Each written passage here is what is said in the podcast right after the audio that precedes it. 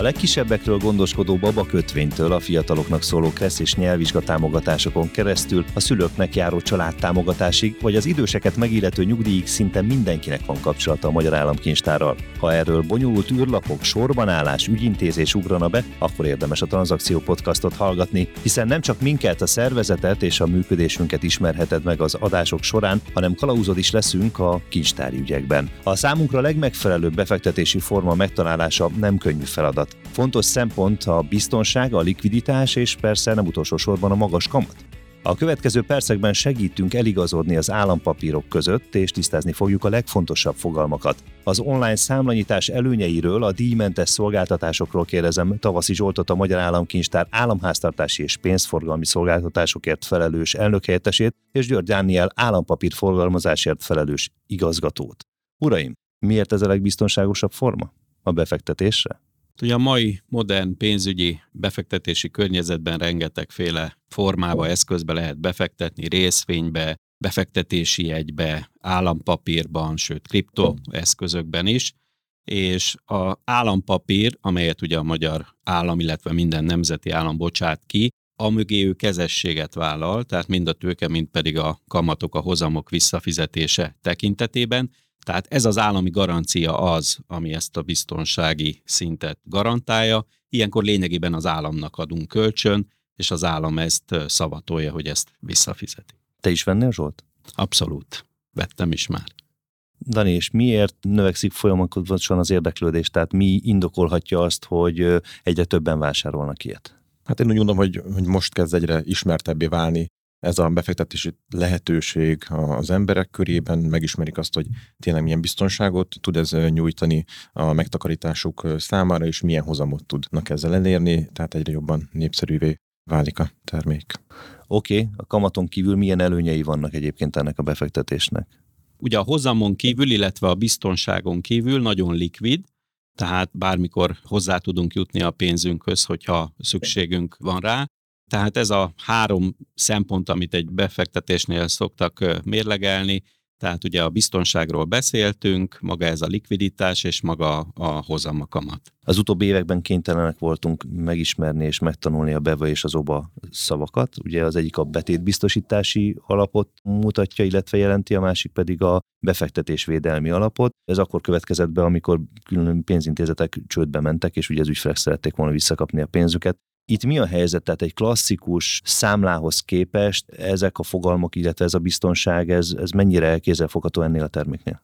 Igazából, ahogy Zsolt már említette, itt az állam teljes mértékben kezességet vállal, úgyhogy ezért nincs szükség arra, hogy különböző plusz védelmi alapok is védjék ezt a terméket vagy a számlát számlanyításról is beszélünk, beszélhetünk, hiszen ennél az eszköznél, vagy ennél a terméknél azért ez egyértelmű, de ugye mi, mint az államkincstár, azért nem vagyunk egy kereskedelmi bank, Zsolt. Igen, nem vagyunk kereskedelmi bank, de egy befektetési szolgáltatást nyújtunk az állampapír kapcsán az ügyfeleinknek, tehát ugyanúgy kell itt is egy értékpapír számlát nyitni, mint egy akár egy bankban, aki, aki ilyen szolgáltatást nyújt. Hogyan zajlik ez? Mert ugye most már bizonyos pénzintézetek hirdetik úgy magukat, hogy hozzánk be se kell jönni, majd itt videón mi egyeztetünk, és akkor ez egy számlanyítás. Azért ez nem egy olyan számlanyítás, hogy utána én erről bankkártyát rendelek hozzá, és fizetgetek a boltba.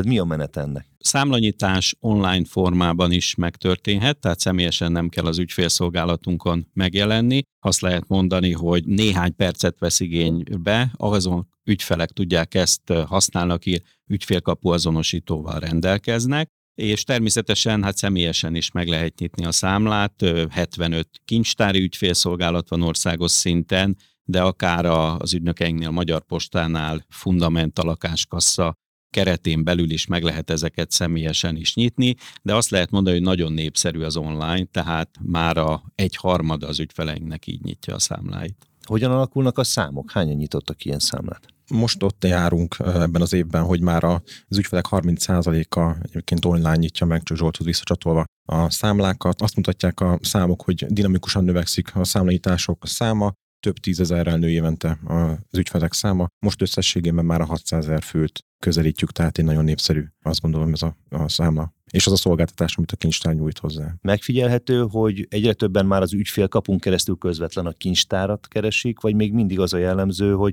bemennek személyesen, illetve akár ez a fundamentás verzió van? Nagyon népszerű az ügyfélkapus számlanyítás, ugye erre ráerősített az elmúlt időszakban a pandémiás helyzet, tehát sokan keresték azokat a lehetőségeket, hogy személyes megjelenés nélkül hogyan tudják elintézni az ügyeiket.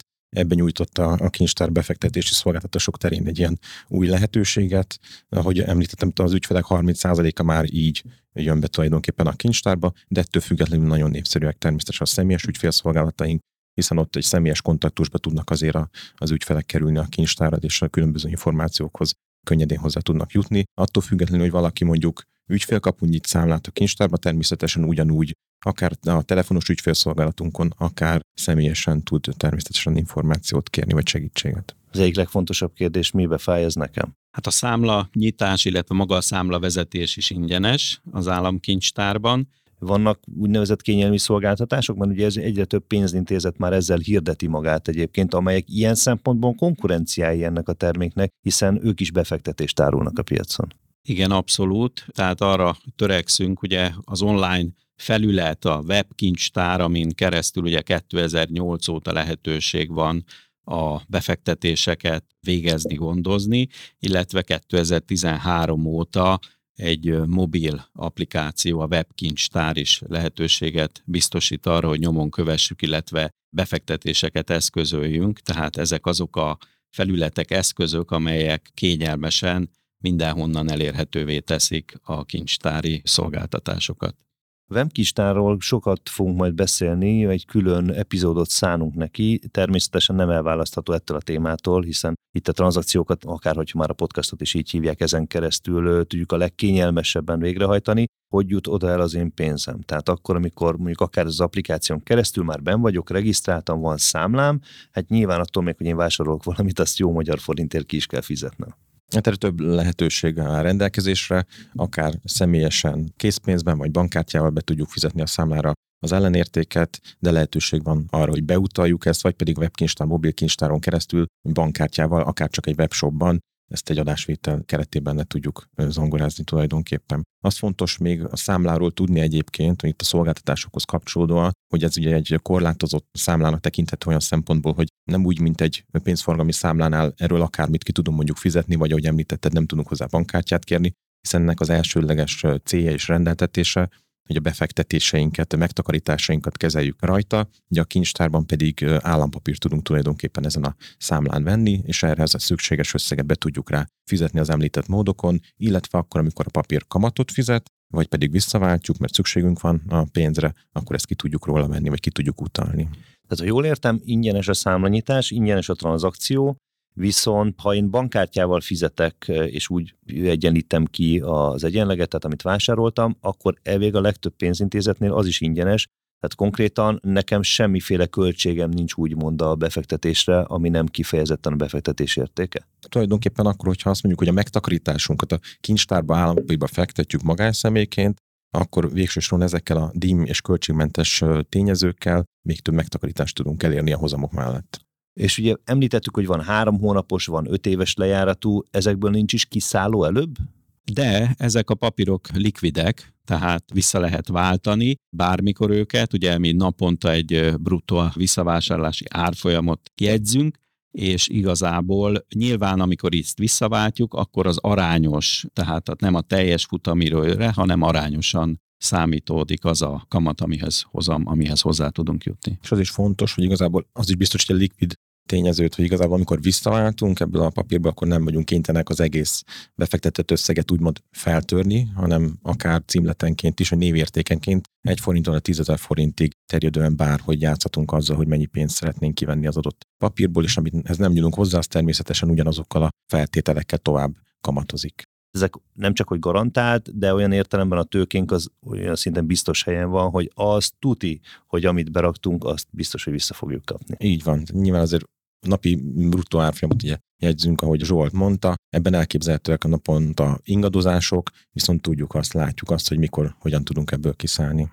Itt most egy pillanatra megállunk csak azért, mert van egy szolgálati közleményünk, ugyanis a jogszabályok is előírják, hogy nekünk mindenképpen tájékoztatni kell benneteket, hogy hát jelen tájékoztatás nem minősül ajánlattételnek vagy befektetési tanácsadásnak, Jelen adás célja kizárólag egyébként a tájékoztatás, amely nem teljes körű. Befektetési döntéseitek meghozatala előtt kérjük, hogy figyelmesen tanulmányozzátok át az állampapírok ismertetőjét, nyilvános ajánlattételét, valamint a Magyar Államkincstár befektetési szolgáltatási üzletszabályzatát, az urak itt a legfontosabb emberek, ha lehet ezt mondani ebben az ügyben, és ők azok, akik mindent tudnak az állampapírokról. Mégis egyébként nagyon sok olyan kérdés érkezik, ami lehet, hogy még benneteket is egyébként megdöbbenthet. Szokáshoz híven vannak ügyfélszolgálati kérdéseink, mert a kollégáink ugye gyűjtik ezeket, továbbra is mindenkit arra biztatunk, hogy ha van akár az állampapírokkal kapcsolatban kérdésük, vagy kérdésetek, akkor tegyétek fel nyugodtan, főleg interneten, e-mailen keresztül várjuk ezt. Megtaláljátok az adáson belül, fel fogjuk tenni azokat a lehetőségeket is, ahol elértek bennünket, úgyhogy nyugodtan keresetek bennünket ezeken.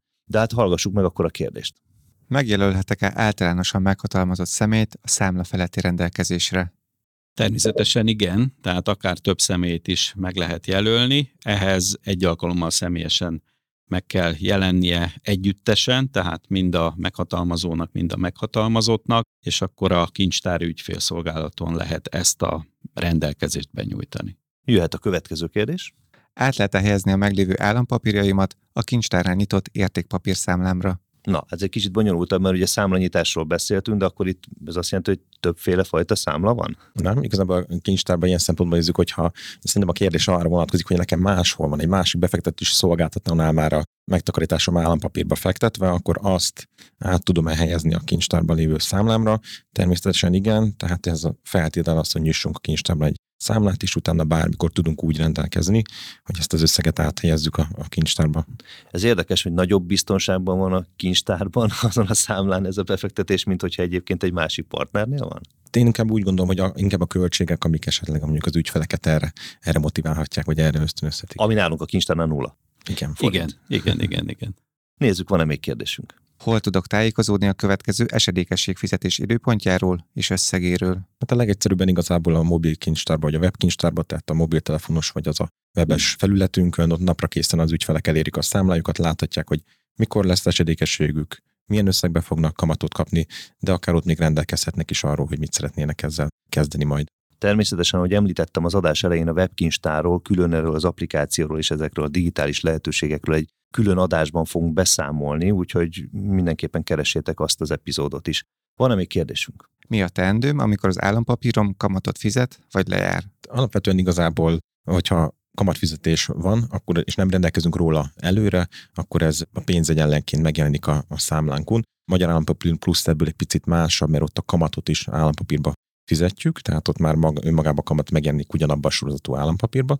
A többi állampapírnál viszont ez pénzként jelenik meg, Erről küldünk egy értesítést például SMS-ben az ügyfelek részére, és onnantól kezdve szabadon rendelkezhet arról az összegről, kiutalja, vagy éppen befekteti egy másik állampapírba, ez a saját döntése, szabadon rendelkezhet róla, de hogyha ő úgy gondolja, akkor már előre is tud rendelkezni a kamatokról, akár csak egy értékpapírra, de akár az egész számla teljességére megadhat különböző rendelkezéseket, hogy mit szeretne a jövőben kezdeni a kamatokkal, és akkor neki nem is kell figyelnie, hanem mi mindig automatikusan helyette végrehajtjuk a megbízását. Tehát akár, hogyha van máshol egy kereskedelmi bankban egy számlám, akkor kérhetem azt, hogy amikor lejárt, akkor kérem oda utalni. Így van azt is kérhetem, hogy mindjárt újra szeretném visszaforgatni a tőkét, vagy akár az egész összeget, és akkor én azt gondolom, hogy ezzel így kvázi egy nyugdíj alapot képezek magamnak, úgyhogy nem kell vele foglalkoznom? Pontosan minden ilyen megbízási lehetőség rendelkezésre áll. Akár, hogyha egy kamatnak csak a egy részét akarod visszafektetni, másik részét kiutalni, akkor még így meg tudod bontani a rendelkezésedet. A mostani epizódban Tavaszi Zsolt a Magyar Államkincstár államháztartási és pénzforgalmi szolgáltatásokért felelős elnökhelyettese, valamint György Dániel állampapír forgalmazásért felelős igazgató volt a vendégünk. Tartsatok velünk legközelebb is!